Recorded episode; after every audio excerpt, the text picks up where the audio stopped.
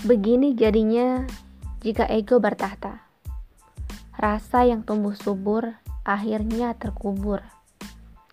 Kita lebih mementingkan mimpi daripada getaran yang merambat halus dalam hati.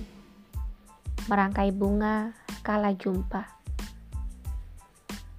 Kini kita duduk berhadapan dalam kafe yang sering kita kunjungi 10 tahun yang lalu setiap mengadakan janji tamu.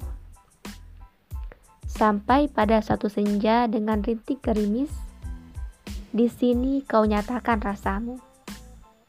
Beriring musik romantis. Ada dingin yang menyelusup membayangkan bersamamu.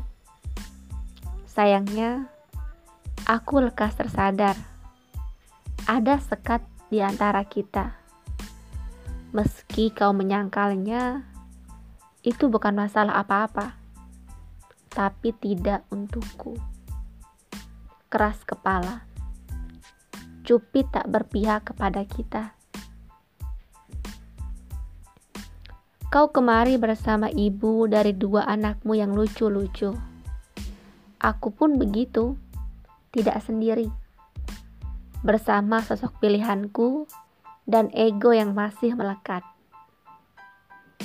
Waktu beranjak meninggalkan kita dan cerita yang mengalir.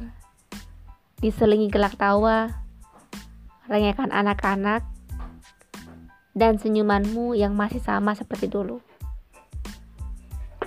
Saatnya pulang, kita berpisah dan satu yang ku tahu, sekeras apa pun usahaku membunuhnya, rasa itu tetap ada. Aku memang tak bisa memutar waktu kembali untuk mengubah jawaban yang aku beri. Syukurlah, karena biarpun rasa untukmu masih ada, itu tak sepadan dengan rasaku untuknya yang kini menggandeng tanganku. Sekarang dia adalah aku.